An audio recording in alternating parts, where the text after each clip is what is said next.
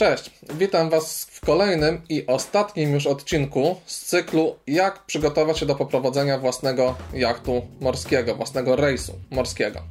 Do tej pory powiedzieliśmy sobie o takich kwestiach jak co zabrać oprócz podstawowych rzeczy na taki rejs morski, jak teoretycznie przygotować się do tego rejsu morskiego, jak praktycznie przejąć jacht od armatora, na co zwrócić uwagę podczas tego przejęcia już na miejscu, jakie zakupy zrobić przed e, rejsem, żeby nam niczego podczas tego rejsu nie zabrakło.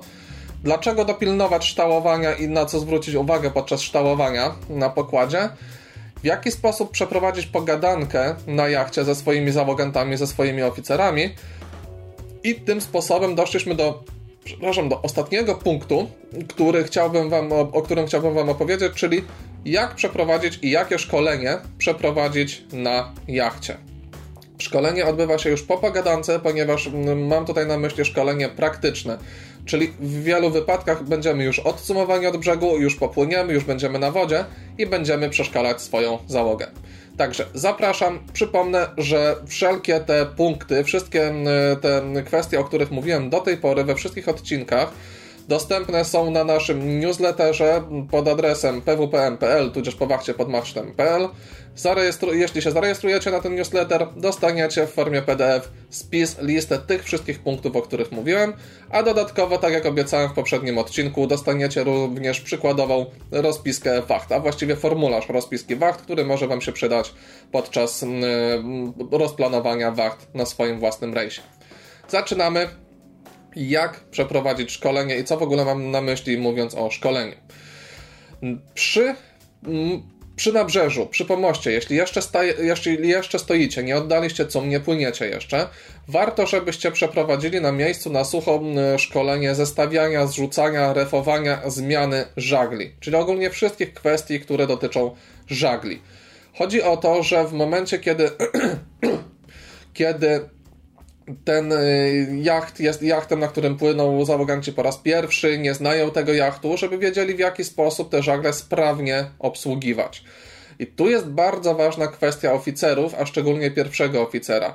Bo najwygodniej dla Was, jeśli macie już pierwszego oficera na tyle doświadczonego, że on może przeprowadzić takie szkolenie, super, Wy możecie się tylko przyglądać i patrzeć, czy nie popełnia błędów, a on niech robi to szkolenie. On się nauczy, załoganci się nauczą, pozostali oficerowie się nauczą i wy też się nauczycie tego, a nie będziecie przeszkadzać, bo jeśli pierwszy oficer będzie musiał to zrobić sam, to on będzie wiedział, że ma to zrobić dobrze. Jeśli on będzie tylko was obserwował, to będzie, a zawsze w razie potrzeby to wyciągniemy kapitana na pokład, niech on się męczy.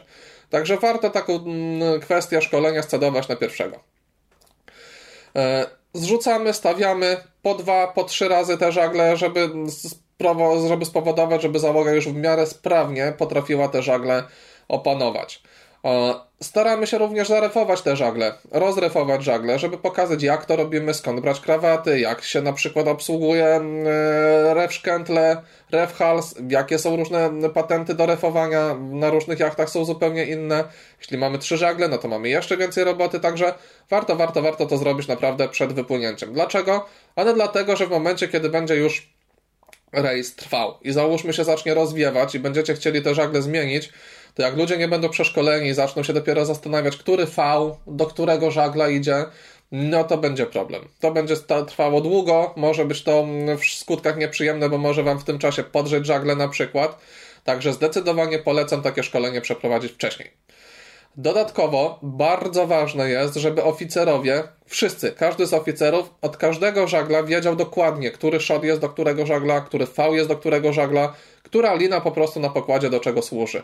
Bo oficerami będziecie, prze, przeważnie oficerami będziecie wykonywali te właśnie funkcje, czyli dacie polecenie oficerowi drugiemu, zarefujcie grota, to on pójdzie ze swoją wachtą, tudzież ewentualnie wyciągnie podwachtę spod pokładu i zacznie tego grota refować. To nie wy macie iść do tego masztu, tylko wy możecie wtedy stanąć za sterem, przejąć jacht i patrzeć, czy oni robią to, co zrobić powinni, czy robią to dobrze, nadzorować po prostu. Wy, jako skiperzy i kapitanowie, nie jesteście od tego, żeby pracować na tym pokładzie, tylko żeby nadzorować, żeby praca została wykonana dobrze. A to jest na waszej odpowiedzialności. Bo jak tylko widzicie, że coś idzie nie tak, od razu reagujcie. Mówcie, słuchajcie, no nie, no nie, nie postawicie tego grota teraz, bo jest zaplątany fał. No zobaczcie, co się z fałem dzieje.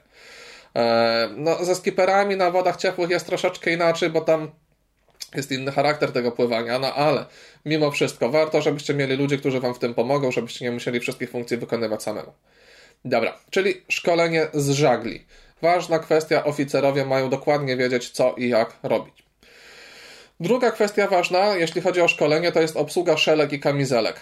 To możecie zrobić już po wyjściu z portu, jak będzie jakaś spokojna woda, macie ludzi na pokładzie, nie jest to noc, więc na spokojnie możecie wyciągnąć wszystkie szelki, kamizelki, pokazać, jak się zakłada szelki asekuracyjne, po co są te klamry, jak się karabinczyk zapina, jak sobie ułożyć pasy, żeby się nie walały po pokładzie i nie haczyły o wszystko, jak się wpinać i pracować na tych dwóch karabinczykach, po co to w ogóle jest, dlaczego warto dociągnąć do siebie te szelki, czemu je ubierać na, na sztormiak, no bo najczęściej do prac będziecie wychodzili w sztormiaku jednak, jak będzie potrzeba coś zrobienia i szelki będą konieczne.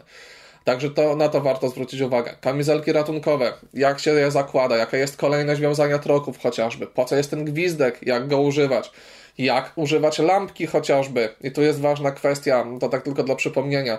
Lampkę można włączyć poprzez wyszarpanie y, zawleczki i ona wtedy zaczyna świecić, ale niektóre lampki są w ten sposób zrobione sprytnie, że one w momencie, kiedy wpadasz do wody, Gdzieś tam w wodzie pływają sobie e, kabelki luźno wszyte po prostu w materiał i w momencie, kiedy one poczują słodką wodę morską, skorodują bardzo szybko, automatycznie zamknie się obwód i lampka zacznie sama świecić. Bardzo fajne rozwiązanie.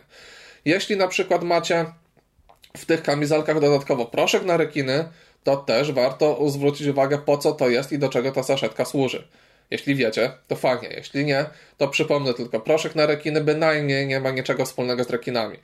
Chodzi o to, że jak wpadacie do wody, na przykład zatonął wam jacht, nie daj Boże, i jesteście sobie w tych mm, kamizelkach samych, bo tratwy ratunkowej załóżmy nie było, bo to był czteroosobowy jacht, gdzie nie potrzeba było tej tratwy, przepisy nie każą.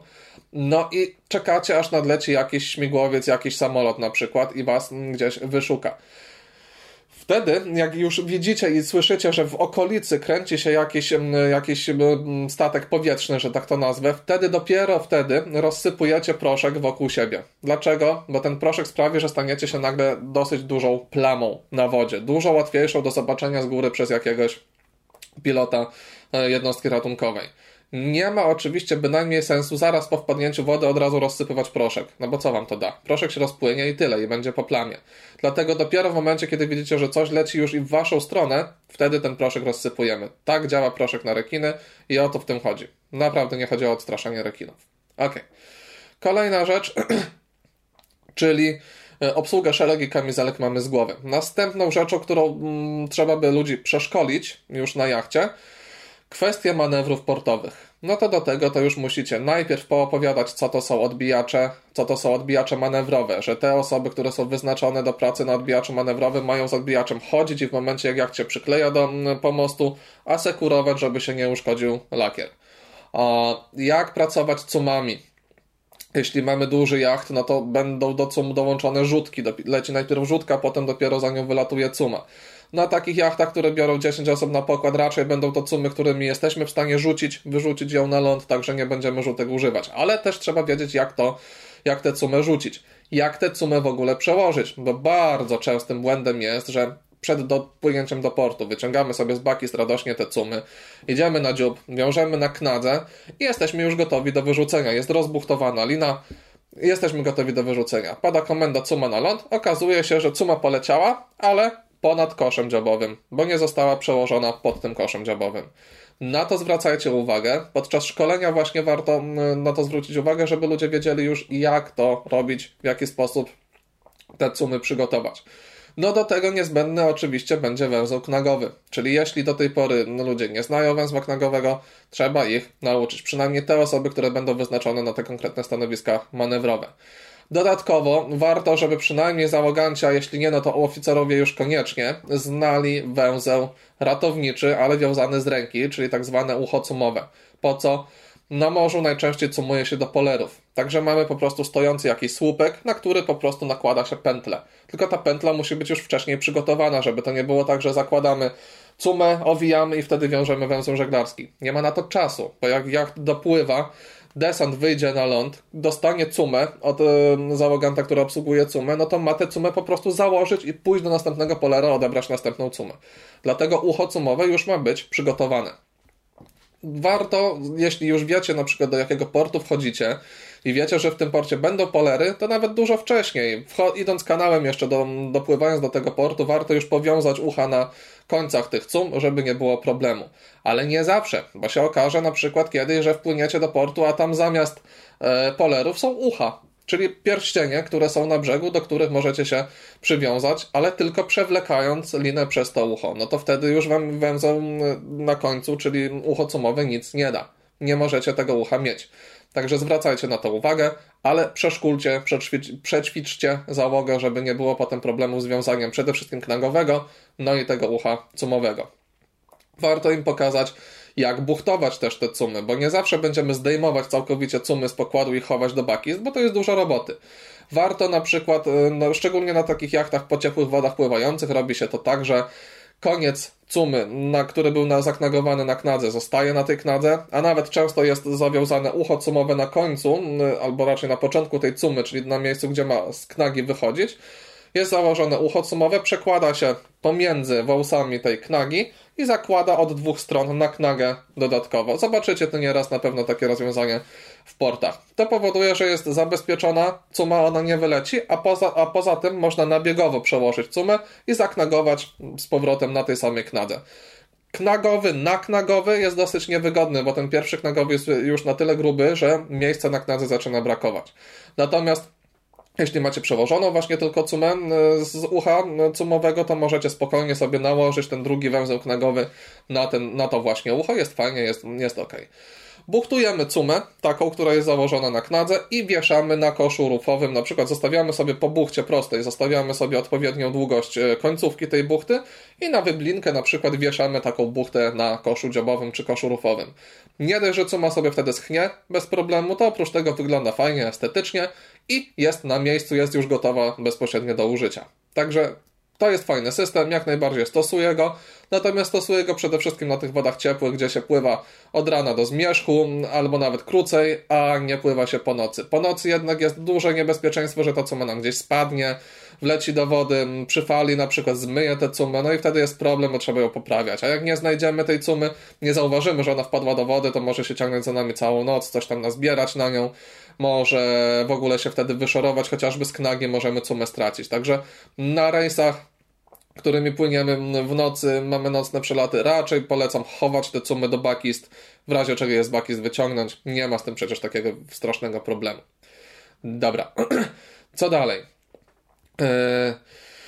Omówienie manewru, jeśli chodzi o manewry portowe, to jest istotne, żeby ludzie wiedzieli, co wy chcecie zrobić, jaki macie zamiar. Ludziom też, ja przynajmniej szkoląc żeglarzy mówię, że w momencie, kiedy dopływacie do portu i dostajecie jakąś komendę od kapitana, od skipera, nie jesteście jej pewni, wydaje wam się ona dziwna, robicie ją tak czy siak. Najpierw wykonujecie tę komendę, a potem dopiero ewentualnie pytacie, jaki był jej sens, jeśli go nie zobaczycie po drodze.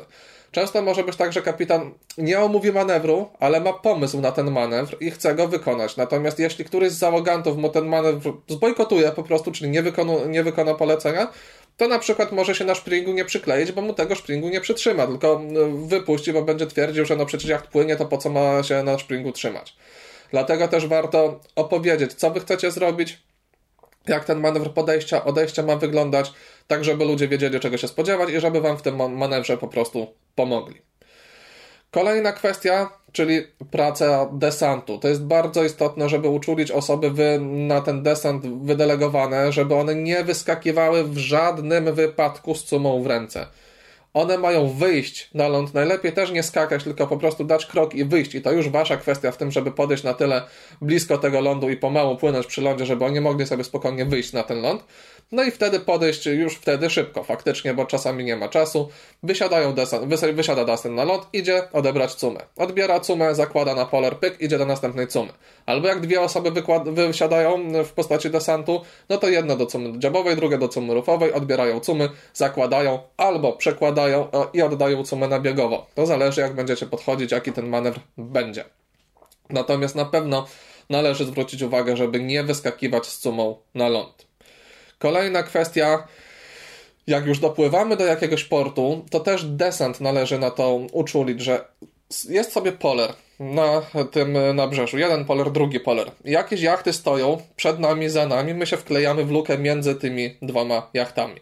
Tamte jachty będą już zacumowane do tych polerów, na które my też się chcemy zacumować.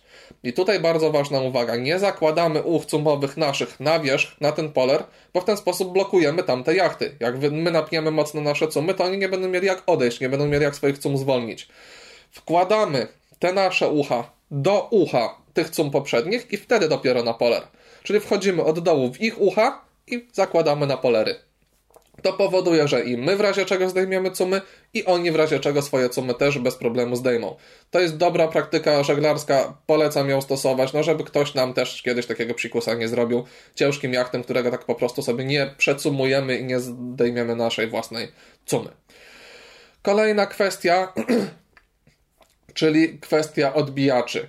Odbijacze wieszamy na burtach, wieszamy najlepiej na e, wyblince, tudzież na węźle odbijaczowym. Często no, warto zabezpieczyć dodatkowo ten węzeł, bo on jest fajny, bo można regulować wysokość tego odbijacza, ale no, może się czasami rozwiązać. Także zabezpieczamy odbijacze, żeby nie odpłynęły wieszamy je też na odpowiedniej wysokości. Jeśli na przykład podpływacie do Y-bombów, które najczęściej nisko nad wodą są utrzymywane, to musicie opuścić odbijacze praktycznie do, samej, do samego lustra wody. Jeśli do betonowego nabrzeża wysokiego podchodzicie, no to podnosicie te odbijacze tak, żeby nie urwało wam relingu, szpigatów, tudzież innych mm, miejsc na jachcie. Także odbijacze są też dosyć istotne po odpłynięciu od nabrzeża odbijacza chowamy, chowamy do bakisty i mm, bierzemy je ze sobą tak, żeby one nigdzie nie odpłynęły, nie wypadły, nie walały się pod nogami również. Kolejna kwestia, czyli na przykład praca bosakiem. Też jest dosyć istotna. O tym, gdzie ten bosak może mieszkać, to już mówiłem kiedyś, że może stać pionowo na wantach na przykład, może być w maszcie, może być w mm, bakiście, no w różnych miejscach takie bosaki mieszkają. Kiedy się nam bosak przydaje? No, przy podejściu longside'em, czyli burtą do pomostu, raczej nam się nie przyda. Ale jeśli będziemy chcieli stać na przykład na mooringach, to już jak najbardziej, bo do mooringu podpływając, mm, załogant idzie na rufę. Jeśli podpływamy rufą do nabrzeża, tu jest nasza rufa, załogant idzie na rufę na koniec tego naszego jachtu, z rufy bierze mooring od jakiegoś tam kogoś z obsługi portu, portu wyławia właśnie bosakiem ten mooring i podaje drugiej osobie, która już wybiera mooring od strony dziobu. Także praca bosakiem jest tutaj bardzo istotna. Podobnie na przykład jak wpływamy, no chociażby w Kopenhadze, w porcie miejskim jest taki system cumowania, że staje się, no dziobem rufą to już bez znaczenia, ale mamy z, za rufą mamy bojkę, czy z tyłu, czy od dziobu mamy bojkę, a z przodu mamy nadbrzeże, no nie? I z jednej strony łapiemy się do brzegu, z drugiej strony łapiemy się do bojki. Również tę bojkę trzeba złapać bosakiem, przyciągnąć do siebie, żeby przełożyć przez ucho na biegowo cumę. To jest istotne. Jak tym bosakiem pracować? Ano, przede wszystkim tak, że jeśli by przyszła nam kiedyś ochota się tym bosakiem odepchać od nabrzeża, to dwie kwestie. Po pierwsze, nigdy nie odpychamy się w ten sposób, na wysokości naszego brzucha, no bo jak nam coś przyciśnie, to się nabijemy na ten bosak. zwróćmy na to uwagę ludziom, czyli pod pachę zawsze jakoś tak pracujemy, żeby nam ten bosak w razie czego wyszedł pod pachą. Po drugie, jak już się odpychamy od tego nabrzeża, choć ja nie jestem zwolennikiem odpychania się bosakiem, wolę odejść silnikiem na przykład na springu, ale jeśli już musimy się odepchnąć tym y, bosakiem, to nigdy okutą stroną, tą zakrzywioną do brzegu, tylko właśnie drugą stroną gładką do brzegu. Dlaczego? No bo nam się ten bosak o coś zahaczy, no i załogan go nie zdejmie. I bosak zostanie na brzegu, my odpłyniemy, zostaniemy bez bosaka. To taka uwaga. Przy podejmowaniu bojek, no też trzeba uważać i tych mooringów, żeby nam się nie zahaczył na tyle ten bosak, żeby nam do wody nie wpadł. No ale to tego to już nie unikniemy, tylko będziemy zwracać po prostu uwagę załogantom. Ok, kolejna kwestia, z której warto przeprowadzić szkolenie, to jest kwestia wypełniania dziennika pokładowego przez oficerów. Jeśli faktycznie prowadzicie rejs, w którym będzie podział na wachty i będą oficerowie na tym rejsie, musicie ich przeszkolić, jak ten dziennik wypełniać. Oficerowie po skończonej wachcie mają wpisać bezwzględnie pozycję geograficzną, na której się znajdujemy, a co godzinę mają wykonywać wpis do tego dziennika zgodnie ze wszystkimi rubrykami, które tam są. Jak wygląda taki wpis? No tego już nie będę tutaj tłumaczył. Od tego jest instrukcja w dzienniku pokładowym. Na początku jest instrukcja, która mówi dokładnie jak te wpisy wykonywać. Wy uczulcie tylko oficerów, żeby za każdym razem te wpisy robili i na koniec takiego, takiej swojej wachty, oprócz pozycji, Parawka. Po prawej stronie jest miejsce na podpis oficera wachtowego. Niech te parawki wam robią, bo potem ściganie, gonienie tych oficerów, jeśli już załóżmy zapomnieliście wyegzekwować, a jest jakiś problem i ktoś chce od was ten dziennik pokładowy po rejsie, no to znaleźć ludzi, żeby wam pod, popodpisywali, no to będzie problem. A niepodpisane mogą być mało wiarygodne te wpisy. Także przed tym przestrzegam. E, kolejną kwestią, którą polecam e, zrobić, czyli kolejne szkolenie, które warto zrobić, to już na pełnym morzu. Płynąc sobie, załóżmy na przykład w nocy i najfajniej to wychodzi w nocy, przeszkolenie z alarmu do żagli. Czyli sorry, budzimy wszystkich, którzy w tym momencie śpią, mają się jak najszybciej ubrać, wyjść na pokład w szelkach i być gotowi do zarefowania na przykład żagli. Taki alarm testowy jest o tyle fajny, że pozwoli Wam sprawdzić sprawność Waszej załogi i będziecie sami wiedzieli, na ile możecie sobie po pozwolić. Jeśli macie e, przypuszczenie, że refowanie żagli będzie trwało dłużej, to zaczynacie refować się znacznie wcześniej, jeśli tylko są pierwsze symptomy, na przykład przyjścia jakiegoś sztormu. Tutaj też taki bardzo ważny protip od pana Henryka Jaskuły, który kiedyś w, książce pisał, że jeśli macie wątpliwości, czy refować żagle, refujcie. Jeśli macie wątpliwości, czy rozrefować żagli, żagle, nie rozrefowujcie. Czyli zawsze zakładajcie ten scenariusz bardziej asekuracyjny. To wam się opłaci. Okej, okay. Ostatnia kwestia, ostatni manewr, z którego bym przeprowadził szkolenie na rejsie już po odejściu od portu w trakcie, to jest manewr człowiek za burtą. W pewnym momencie wyrzućcie coś, najlepiej nie koło, bo jak nie podejdziecie do niego, to będzie problem. I ten manewr akurat dla waszego bezpieczeństwa przeprowadzałbym w ciągu dnia, żeby w razie czego wrócić do miejsca, w którym się to stało. I w sumie chyba najfajniej by było wyrzucić puławkę z chorągiewką, bo ona będzie dobrze widoczna. E, wyrzućcie i ogłoście alarm, człowiek za burtą, niech ludzie wyjdą na ten pokład, zakręćcie manewr, pokażcie co się dzieje, co jest najważniejsze. A co jest najważniejsze podczas wypadnie, w momencie, kiedy człowiek wypada za burtę? Po pierwsze, żeby wyciągnąć kapitana na pokład, ogłosić alarm, wyciągnąć kapitana na pokład. Po drugie, książki książkami. Po drugie, odpalenie silnika. To jest bardzo ważna kwestia, bo na morskim jachcie zrobić inny manewr podejścia do człowieka niż manewr monachijski jest bardzo ciężko. A manewr monachijski pozwala wam na dwie rzeczy. Po pierwsze, nie musicie ściągać ludzi do pracy żaglami, bo wszystko zostaje jak było. Po drugie, macie czas, żeby cokolwiek zrobić, czyli trzy rzeczy jednak. Po drugie, daje wam czas, żeby cokolwiek zrobić, żeby ci ludzie wyszli spod pokładu. A po trzecie, jak wam jacht będzie padał już tym lotem liścia, gdzieś tutaj do, tej, do tego rzekomego człowieka, którego wyrzuciliście, to wy odpalonym silnikiem możecie mu pomóc podpłynąć trochę do przodu, podpłynąć trochę do tyłu. Wiatr go będzie dryfował, ale wy regulujecie tak, żeby trafić w tego człowieka, żeby w niego faktycznie tą burtą wpłynąć. Nie będę tutaj opowiadał o manewrze monachijskim. E, mam nadzieję, że znacie go, że wiecie jak on wygląda. Jeśli nie, to odsyłam do książek. Może kiedyś zrobię odcinek na temat manewru monachijskiego. Może kiedyś na rejsie się mi uda sfilmować taki manewr, także jak się tylko uda, to będę się starał Wam to e, pokazać. No i tym oto sposobem dotarliśmy do końca całego cyklu, w którym starałem się przekazać skiperom, w jaki sposób przygotować się do poprowadzenia morskiego rejsu. Mam nadzieję, że był to cykl wartościowy. Mam nadzieję, że skorzystacie z tego cyklu. E, chciałem to zrobić w sposób jak najbardziej zwięzły, no ale sami widzicie, ile tego jest, ile jest kwestii, na które trzeba zwrócić uwagę. Dlatego wyszło z tego tyle odcinków, dlatego wyszło z tego tyle różnych kwestii. I dlatego też na samym początku zdecydowałem, że wszystkie te punkty, o których mówię, będą dostępne dla Was, żeby nie uciekło, żebyście pamiętali o tym, o co tutaj chodziło po zapisaniu się na newsletter. Także jak zapiszecie się na newsletter na stronie powachciepodmasztem.pl tudzież pwpm.pl w prezencie, że tak się wyrażę, dostaniecie drogą mailową plik PDF z tymi wszystkimi punktami, o których tutaj mówiliśmy. Dodatkowo y, po poprzednim, y, y, po poprzednim odcinku dostaniecie również rozpiskę wacht, którą możecie wykorzystać podczas waszego pływania. Koniec cyklu, koniec tego odcinka. Lajkujcie, szarujcie, bo to mi się zawsze przyda. Mam nadzieję, że się podobało. Trzymajcie się. Tak stoimy.